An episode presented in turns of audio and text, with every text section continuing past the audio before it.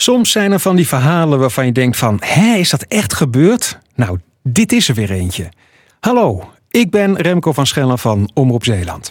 Samen met herinneringskrant Zeeuws Weerzien duik ik elke week even in het Zeeuwse verleden. Met Ali Bart dit keer. Ali, goedemorgen.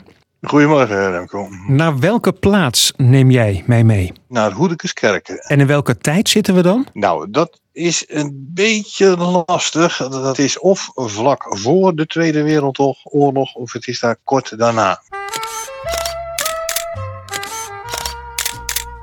Wie woonde er op de hoek van de Havenstraat en de Kerkstraat? Dat was tante Sophie. En tante Sophie, dat was een tante van mijn hele goede vriend Jan Geense.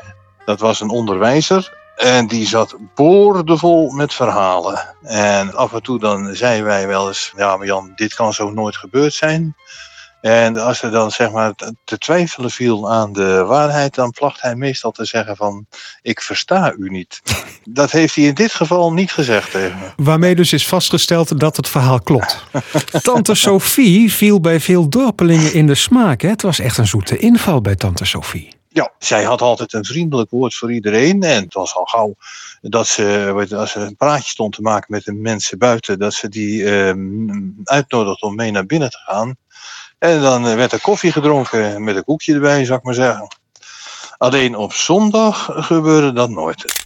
Oh, waarom niet? Uh, zondagmorgen daar ging tante Sophie met haar man, die ouderling was, naar de kerkdienst. En dan uh, smiddags zat tante Sophie altijd voor het raam. En dan groeten ze iedereen recht hartelijk die voorbij kwam. En dat vonden de mensen uit Hurkeskerk ook leuk dat dat gebeurde. En kijk eens, ze drinkt een kopje thee. Ja, want ze had gewoon een theepot voor haar staan en dan dronk ze de hele middag een beetje thee. nou, die thee bleek dan cognac te zijn hoor. Ze schonk zichzelf iedere keer een flinke cognac in. Maar je kunt er wel van uitgaan dat tegen de tijd dat het eh, wat later op de middag was, dat ze ladderzat was. Ik vind het wel een handige tip eigenlijk. Doe gewoon cognac in de theepot. Dat is handig, die tante Sophie. Ja, precies. Zeker weten. Klopt.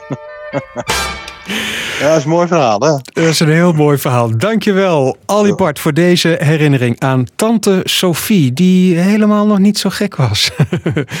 Meer herinneringen kun je vinden op zeeuwsweerzien.nl. En deze podcast is er volgende week weer.